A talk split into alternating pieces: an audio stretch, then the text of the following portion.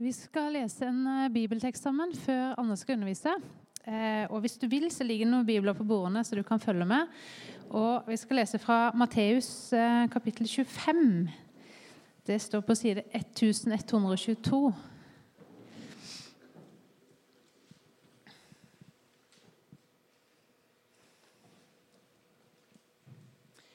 Og så leser jeg fra vers 35. For jeg var sulten, og dere ga meg mat. Jeg var tørst, og dere ga meg drikke. Jeg var fremmed, og dere tok imot meg. Jeg var naken, og dere kledde meg. Jeg var syk, og dere så til meg. Jeg var i fengsel, og dere besøkte meg. Da skal de rettferdige svare, Herre, når så vi deg sulten og ga deg mat, eller tørst og ga deg drikke? Når så vi deg fremmed og tok imot deg? Eller naken og kledde deg? Når vi deg syk eller i fengsel og kom til deg? Og kongen skal svare dem, sannelig, jeg sier dere, det dere gjorde mot en av disse mine minste søsken, har dere gjort mot meg.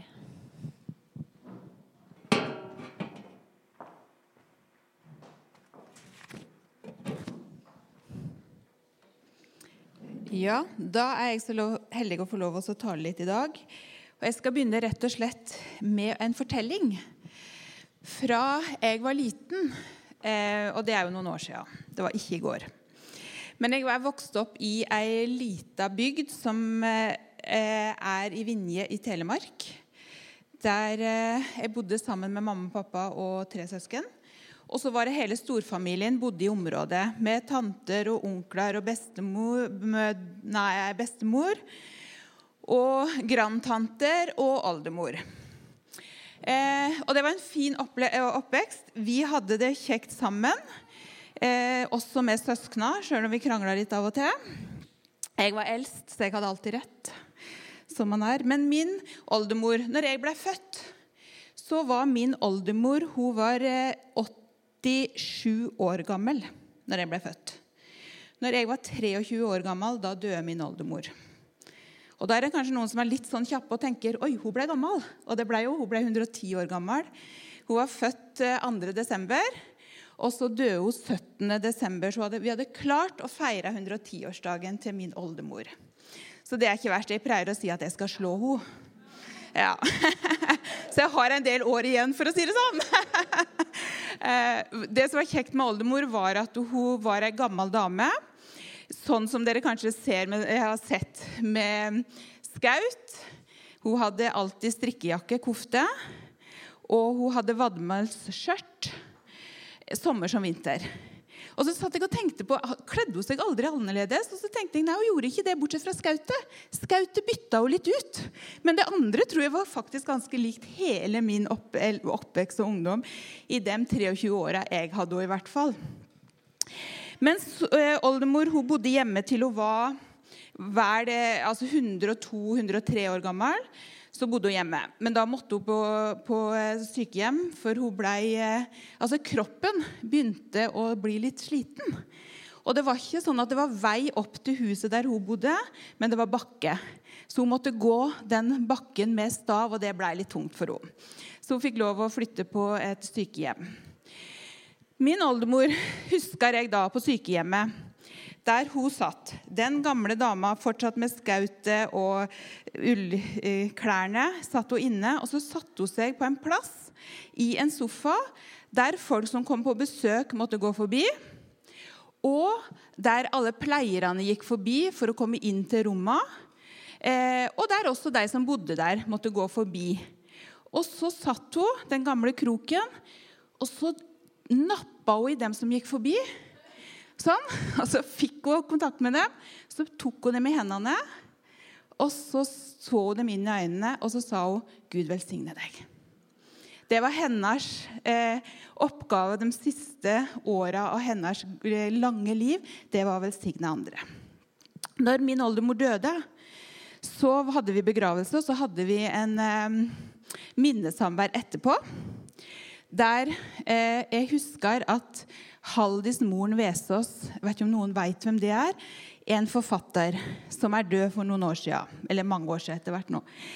Hun var i begravelsen, for hun var nabo i den bygda som jeg bodde og vokste opp i. Hun var da kona til Tarjei Vesaas, som også var en kjent forfatter.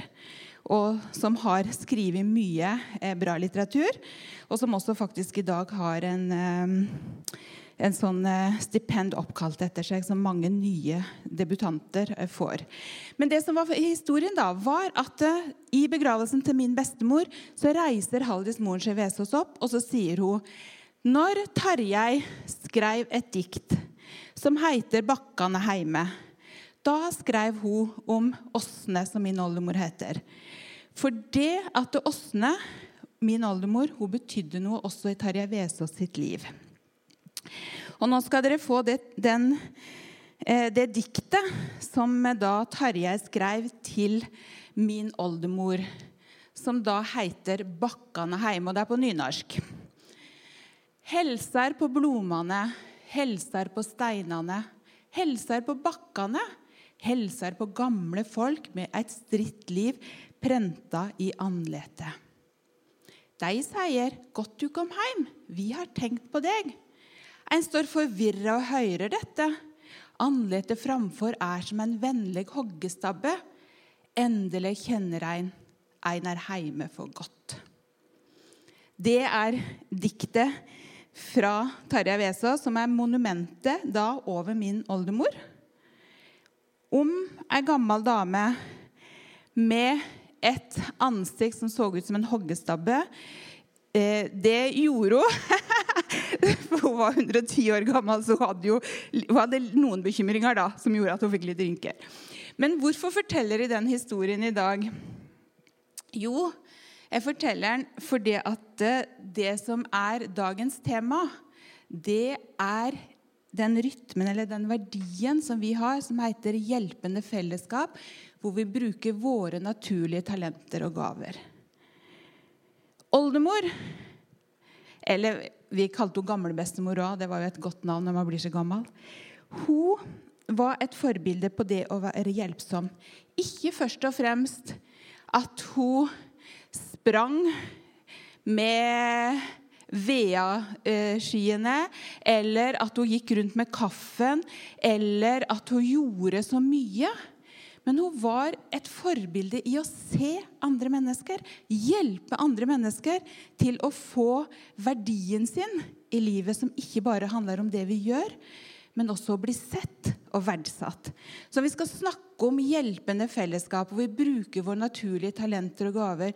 Så hjelpe og hjelpe blir ofte sånn forbundet med å gjøre ting, sånne praktiske ting og litt sånn. Men jeg tror det er mye mer i det å være et hjelpende fellesskap. Akkurat sånn som min oldemor. At hun møtte mennesker med å velsigne dem. Og så tror jeg hun hjalp Tarjei Vesaas til at han fikk en plass. Han kjente at her hører jeg hjemme. Her er min plass. For han var mye ute og reiste. Hvis dere, noen har lest eh, fortellinger om Tarjei, så er han, er han, stadig på reise. Men så kom han tilbake, og så var det noen som hadde savna han. Så var det noen som tok han inn i favnen sin og sa du er ønsket velkommen. Endelig er du her igjen. Og jeg tror det var godt for Tarjei. Og jeg tror også det var godt for min oldemor å få lov til å være en sånn person som hjalp andre til å kjenne seg at her hører jeg hjemme. Vi som sitter her, vi sitter i dette fellesskapet. Og vi sitter her med ulike gaver og ulike talenter som Gud har gitt oss til å bruke. Og bare i denne gudstjenesten, bare i det fellesskapet nå, så er det mange. Det er noen som har kommet tidlig for å gjøre kaffen klar, tenne lysa her. Det er noen som har bakt kake. Vi har synget sammen. Det er eh, Elise Nede som har barna. Altså Det er mye, mange gaver og talenter som har vært i bruk når vi kommer sammen her i dette fellesskapet. Og det er kjempeviktig for at vi skal trives. Og så er det noen også som alltid er så flinke til å se folk, og som ønsker velkommen, og som har et blikk for andre. Vi trenger den. Så når vi nå skal videre inn i temaet hjelpende fellesskap, så har jeg valgt å fokusere på tre ulike ting ut ifra den teksten som eh, ble lest nå fra Matteus evangeliet. Og jeg skal snakke om vi er frelst av nåde, vi kan møte ulike behov, og vi kan gi av nåde. Og så skal jeg til slutt utfordre på noen rytmer, for det har vi også gjort denne serien. At det er noen rytmer, noen ting som vi kan ta med oss hjem, og så praktisere hjemme. Skal vi se hva det kan bli ut av denne her, da. Men først vi er frelst av nåde. Og den teksten som vi henta ting ifra nå, som ble lest fra Matteus evangeliet Man kan jo egentlig tenke at den er litt grann imot alt det som kristendommen handler om. Det, Hva er det kristendommen sier da? Jo, at vi er frelst av nåde. At det Jesus har gjort, det er nok. Og så kommer denne teksten her, som står i en sammenheng med andre typer fortellinger, som handler om å bruke gaver og talenter, som handler om å gjøre noe. Og her er det også, ikke sant Hva er det vi blir utfordra på? Jo, noe av det som Birgitte snakka om. Å hjelpe dem som er i fengsel, dem som er fattige, dem som er forfulgte, det står det ikke akkurat her. Men det er mange ting som det blir remsa opp at dette skal vi gjøre. Og så er det kanskje så tenker vi ja, men det handler jo om at vi er frelst av nåde. Ja, det gjør det. Og det tror jeg at er noe av det som blir fundamentet som vi må nødt til å ha med i all, hele den serien vi har snakka om nå, som handler om rytmer, og også det å være et hjelpende fellesskap, det er dette som Efes, Paulus skriver til efeserne, som er utrolig viktig å ha med. For av nåde er dere frelst ved tro. Det er ikke deres eget verk, men det er Guds gave. Det hviler ikke på gjerninger for at ingen skal skryte av seg sjøl. Men det er ingen motsetning tror jeg, mellom det vi las, og det som står her. For hvis vi leser hele den historien for den, Nå har jeg tatt ut noen vers som ble lest i dag, men hvis vi leser hele den historien, så handler det om eh, menneskesønnen. Jesus snakker om menneskesønnen som, som, eh, kaller til seg eh, hele, alle folkeslag. Og så deler han dem i to geiter på den ene sida og sauer på den andre sida veldig merkelig å kalle mennesker for geiter og sauer. Men det er, det, det er ofte det som blir brukt i, bilen, i Bibelen. Sauer er eh, også, I denne sammenhengen er det oss som er kristne, og Jesus er hyrden, den som leder oss på veien. Det er det også Jesus snakker om i dette verset her, eh, eller disse versene her. Så han deler dem. Og så til sauene da, så sier han det som blir lest. For jeg var sulten, og dere ga meg mat. Jeg var tørst, og dere ga meg drikke, osv.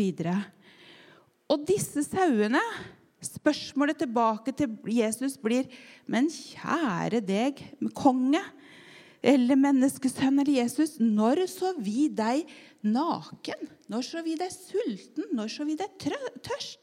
Vi forstår ikke hva du snakker om. Vi har aldri sett deg sånn. Og hva er svaret fra Jesus eller fra menneskesønnen eller kongen her? Jo, det er nettopp det dere har gjort mot en av mine minste, har dere gjort imot meg. Og For meg så handler dette om at det er noen mennesker, noen sauer, som ikke egentlig er helt bevisst på hva de har gjort. Fordi at det har flytet ut av en relasjon med Jesus Kristus. Så det handler om at det han har gjort, det er det vi skal klynge oss til. Og fruktene av det som han har gjort, at vi har valgt å ha han som herre i vårt liv, at vi har valgt å si ja til Jesus Fruktene av det, arbeid, av det livet, det er dette som Jesus snakka om i denne fortellingen. Men det står også videre at eh, han sier også til geitene akkurat det samme, men der sier han det motsatte.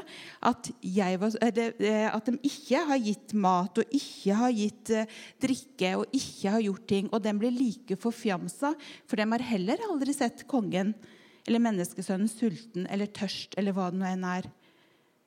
Og så har de ikke gjort noe med det. Mens vi som er kristne, vi har et fundament som er Jesus Kristus. Og gjennom det så kan våre gaver og talenter flyte inn i et eller annet som blir liggende foran oss. Og det er nettopp det som er clouet her, da. Som er neste i disse versene fra efeserne. Eh, nei, forresten, vi skal gjøre én ting først, før jeg går videre. Fordi at jeg synes at Når vi jobber med dette temaet, rytmer, så syns jeg at dette er så viktig at jeg har lyst til at dere som vil, kan få lov å være med og lese denne teksten høyt. Så at vi får det inn. At det er dette som er fundamentet for alle rytmer og for hele livet vårt. Det er at vi er frelst ved nåde, og det er ved tro. Så hvis dere vil, så kan dere få lov å være med og lese dette høyt sammen med meg nå. Jeg teller til tre, og så leser vi. Én, to, tre. For av nåde er dere frelst ved tro.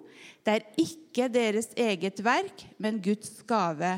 Det hviler ikke på gjerninger for at ingen skal skryte av seg sjøl.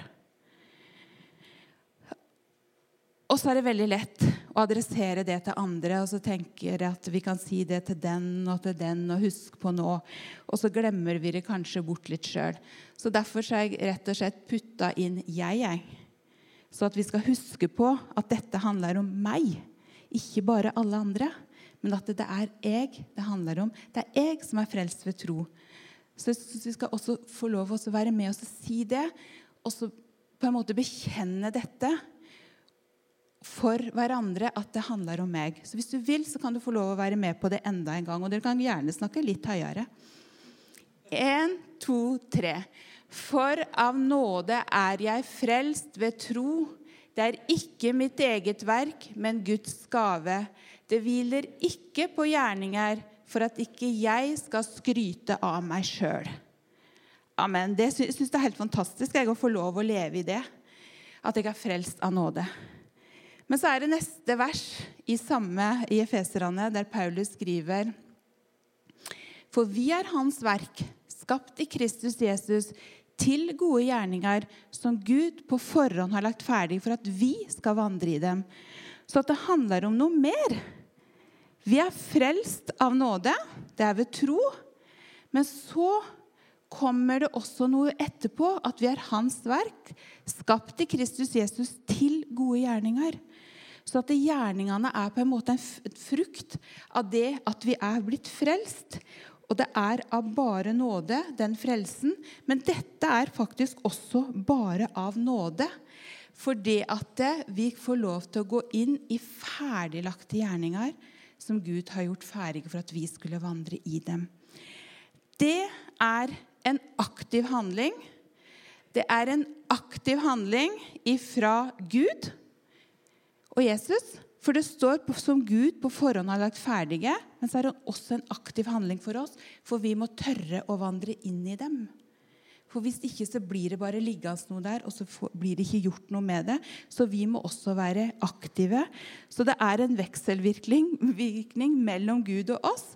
Gud legger noe foran oss, pusher oss i en retning, og vi må velge å gå inn i det og gjøre noe med det som blir liggende rett framfor nesa på oss. Men det viktigste er at vi er frelst av nåde. Det er det aller, aller viktigste å ha med seg. Men når vi da vandrer inn i det eh, ferdiglagte gjerningene som ligger foran oss, så møter vi ulike behov. Og det er jo nettopp denne teksten eh, Fortell oss noe om det, at det er ganske mange ulike behover som vi kan møte. For jeg var sulten, og dere ga meg mat. Jeg var tørst, og dere ga meg drikke. Jeg var fremmed, og dere tok imot meg. Jeg var naken, og dere kledde meg. Jeg var syk, og dere så til meg. Jeg var i fengsel, og dere besøkte meg. Mange ulike typer utfordringer som plutselig blir liggende her. Og Birgitte fortalte om disse som blir fengsla, som blir torturert for troa si. Eh, fengsel er her. Syke blir dem. Så det er en del av dette. Eh, å være et hjelpende fellesskap og gjøre noe for andre er også denne tingen. Eh, men jeg tror at den lista her, da den kan vi noen ganger tenke Vi har ikke så mange sultne rundt oss, vi har ikke så mange tørste rundt oss. vi har ikke så mange, ja, Fremmede bør vi kanskje si at vi har noen av oss blant oss innimellom, i hvert fall. Eh, kanskje ikke så veldig mange nakne heller ser vi springende rundt her. Noen er syke. Kan jo kanskje gå og besøke. Og noen var i fengsel. Vi kjenner ikke så mange av dem som er i fengsel heller, så jeg er ferdig med lista. Men tror denne lista bare forteller noe av det som Eh, er ulike behovet som vi kan få lov til å møte. Så jeg tenker at vi alle har folk i våre nabolag, i våre vennekretser, i våre kollegaer som har noen behov som de trenger å bli fylt med. Som de behova trenger å bli fylt. Og der er det vi kan få lov til å se med våre øyne og også be Jesus om å hjelpe oss å se hvilke behov er det mennesker rundt meg sitter med, som jeg kan få lov til å være med på å fylle i de menneskene som er satt inn i mitt liv, og kanskje også litt på utsida av mitt liv, de som jeg møter sånn tilfeldigvis i forbifarten. Ikke bare la det forsvinne, men la det være der. Men jeg tror at dette er en del konkrete ting som er veldig sånn praktiske. Å gi mat og gi drikke, eller kanskje skifte et dekk for noen, eller eh, kanskje eh, gi middag til noen som trenger det akkurat nå, eller noe sånt. Så tror jeg det er veldig sånn konkrete ting. Men jeg tror også det handler om et annet nivå, ikke bare sånne konkrete ting. Og for noen uker siden var jeg sammen med Eirik, Therese, eh, Ingrid, Maria. I hvert fall Vi var på noe som heter Beveg byen, som var en samling der alle menighetene, i hvert fall nesten alle tror jeg, i Oslo, var samla eh, og snakka om eh, hvordan vi som menigheter kan være med på å fylle ulike behov som er i byen vår, i Oslo by. Og eh, Samlingen var kretsa rundt en undersøkelse som heter eh, Oslo Monitor 1. Eh, og Der har de tatt opp eh, tre ulike temaer spesielt, som var eh, eh Oslo sin situasjon når det gjelder kultur, når det gjelder tro, åndelighet, og den siste var Sosial nød. Det var det. Disse tre tingene. Og En av de tingene som jeg har bitt meg litt merke i da, i denne, denne, rapporten som kom ut, som heter, den går an å finne på skaperkraft.no, der står det at hver femte nordmann føler seg ensom. Og hvor mange er det i Oslo? Hver femte? 130 000 personer i Oslo føler seg ensom. Det er den byen vi er en del av. Så mange mennesker. Og i, på nrk.no var det henvist til en undersøkelse rundt skolestart at én av tre studenter sier at de er noen ganger og ganske ofte føler seg ensomme og har kanskje lyst til å gi opp hele studenttilværelsen og hele Oslo-tilværelsen. Jeg tenker at disse menneskene den sulten og den tørsten de har, er kanskje ikke den fysiske sulten og tørsten, men det er kanskje en tørst etter relasjoner, etter nære venner. En sult etter noen som ser dem, akkurat som oldemor som så folk inn i øynene og sa 'Gud velsigne deg'. Det er en tørst etter noe helt annet enn den fysiske sulten og tørsten. Men det er en tørst som vi som menighet og vi som sitter her, kan få lov til å være med på å gi ut til mennesker for vi har fått relasjonen med Jesus Kristus. Vi har fått en relasjon som gjør at vi kan få lov til å velsigne andre og gi ut til andre. Og la det flyte av den relasjonen som vi har, den kan vi få lov til å flyte ut til andre mennesker.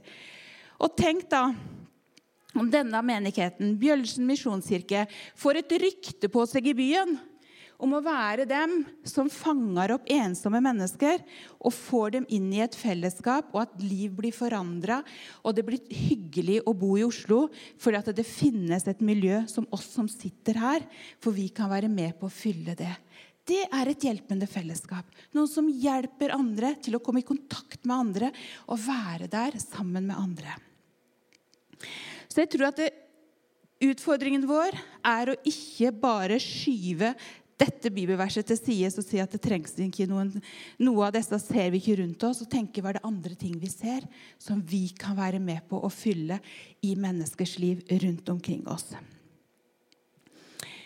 Det som jeg også ser her, det er at denne teksten sier at det er ulike talenter og ulike gaver som må bli brukt. Vi kan bare ta for sulten, da. En mat. Det kan være greit at noen kan lage mat. Det kan være greit at noen har penger til å kjøpe mat. Eh, det kan være også greit for ensomme at det er noen som ser. Det er noen som, som er gjestfrie og åpner huset. Eh, altså, det er ulike gaver og ulike talenter som må bli brukt når dette skal eh, bli synlig iblant oss. Så må vi alle sammen komme med det vi har, til bords. Fordi at vi er avhengige av hverandre. For én person kan ikke stå og forandre en hel by og møte 130 000 ensomme i Oslo. Men fellesskapet kan vi nå i hvert fall noen av dem. Litt flere enn jeg bare klarer aleine. For, for, noen uker siden, altså når vi var på Beveg byen, så fikk jeg en opplevelse som jeg bare Dette forteller meg alt om hva det å bruke naturlige gaver og naturlige talenter egentlig handler om. Jeg hadde vært på Bebegbyen, var litt stressa. Eh, tok bussen til Stabekk. Der hadde jeg bilen min. Henta bilen, kjørte den ut fra parkeringsplassen. Kjente at jeg var inne i et eller annet, men tenkte det går bra. Helt til jeg kom ut på veien. Da tenkte jeg at det går ikke bra likevel. For det som skjedde da, det var at bilen ble litt rar å kjøre. Så jeg smelte den inn på en parkeringsplass og gikk ut. Og selvfølgelig så var jo den bilen punktert. Og i sånne nye biler er det noen som veit hva som ikke er der reservedekk. For de har sånn der som du kan pumpe inn sånne skumgreier. Men det hjelper jo å pumpe inn skumgreier når hele dekket er flerra. Så jeg blei litt sånn Hva gjør jeg nå? Det jeg gjorde, var at jeg så at det, sto, det var en verksted. Det var jo flaks. Det var en verksted som sto der som jeg hadde stoppa, og så sto døra åpen. Og så sto det en bil utafor med alt sånn. Eh, bagasjelokk og alt var åpent. Så jeg gikk bort til døra inn til denne verkstedet og liksom sånn Hei! Å ja, så var det noen. Det var to menn her. Det er rundt 75 år. Jeg har punktert. Å ja, har du reservedekk, da? Nei. og det var ganske finurlig. Så, så, ser han ene rundt seg da, altså på, i verkstedet sitt. Hei, hvilken bil har du, da? Nei, jeg har en Peugeot et eller annet. Ja, jeg sånn, jeg kan ikke så mye om bil, men det er et Peugeot i hvert fall. Det vet jeg. Det er et eller annet sånn. Ja, jeg tror ikke jeg har dekk som passer. Nei, å, det er så irriterende, sier for dekka mine ligger jo på Fornebu. Ligger de på Fornebu? Ja, sier jeg. Det gjør de. Så ser han på den andre mannen, og så sier han, du, har du dårlig tid, eller? Nei, sier han andre. Nei, men da kjører jeg bort på Fornebu, henter dekka, dekket, og så jekker du opp bilen med det samme mens vi er der. Ja da. Jeg inn i bilen. En Tesla. Sånn som kjører av seg sjøl, vet du. Eh, sitter der fra Stabekk til Fornebu, åtte-ti minutter. Får da en leksjon i hvordan Tesla funker. Og jeg spør og stiller spørsmål. Kommer til Fornebu, ned i garasjen, og så sier jeg til han sjåføren nå bare, bare sitt her, du, så skal jeg gå og hente dekket. Så sier han dekket? Ja, sa jeg. Ja, 'Er det ikke vinterdekk du skal bytte til?' Jo, sa jeg. Ja, ta med alle fire, da. Så tar vi alt med en gang. Og jeg bare Nei, nei, nei, det kan vi ikke gjøre. Jo da, ta med alle fire. Og jeg inn i boden, alle fire dekka inn i bilen, inn i Teslaen, tilbake til Stabekk. Like, altså ny informasjon om, om Teslaen. Kommer bort dit. Dekka blir skifta. Alle fire dekka. Alle gamle, altså sommerdekka og det ødelagte, inn i min bil. Så spør jeg eh, skal jeg betale noe for dette, eller hva skal jeg betale for dette. Så sier han tilbake eh, det koster vel, så langt jeg vet, ingenting å kjøre Tesla. Det trodde jeg det gjorde.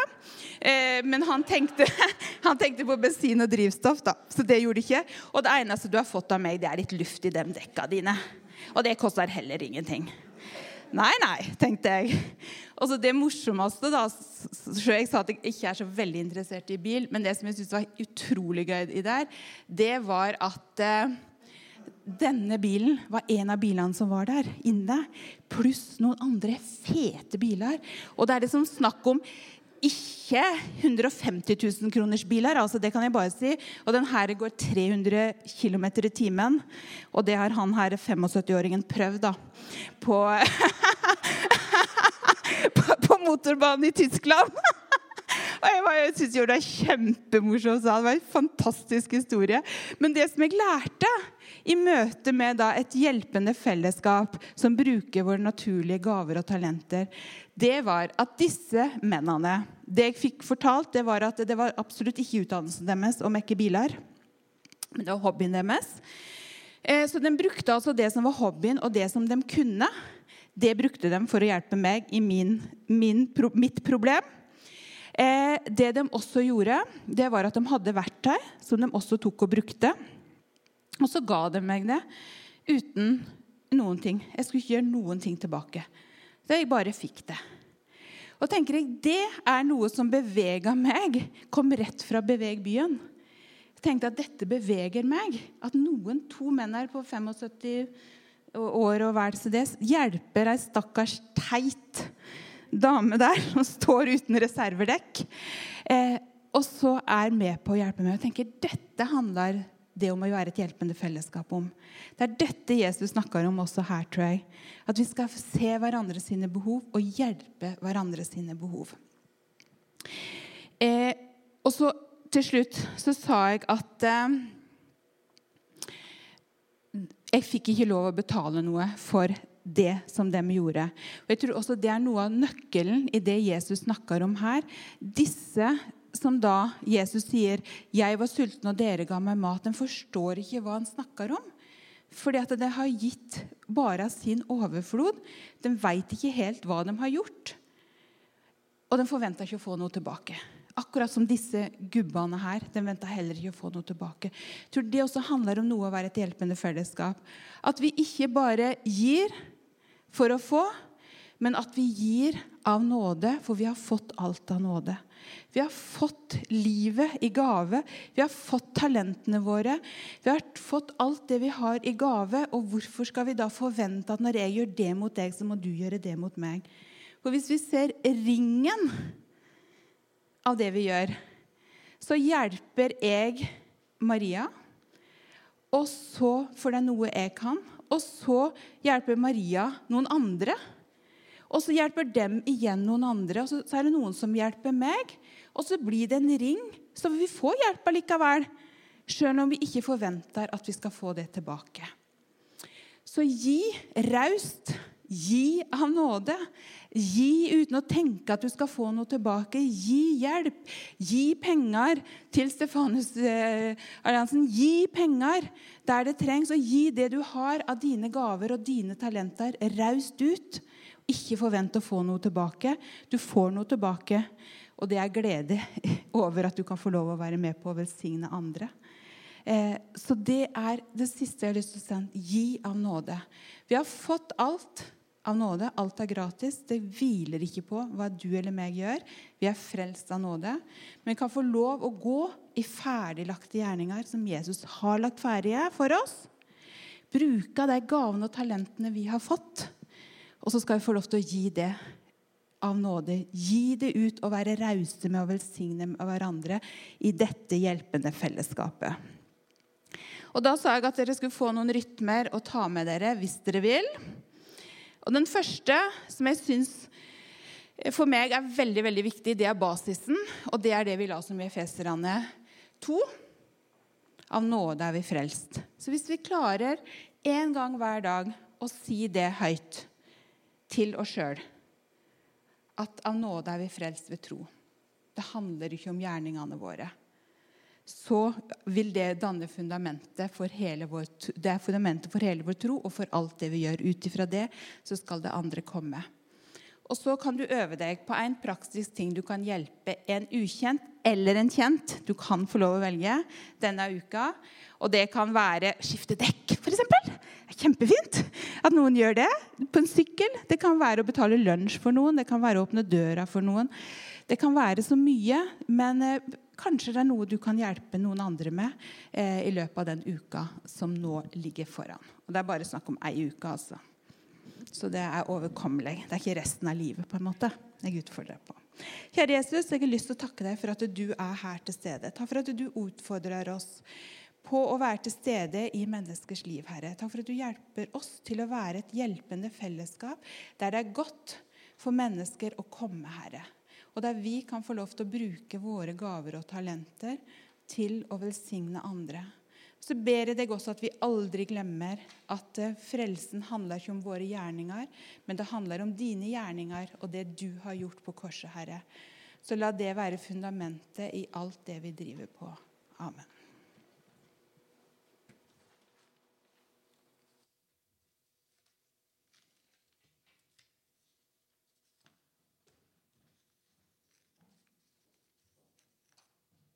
Vi skal synge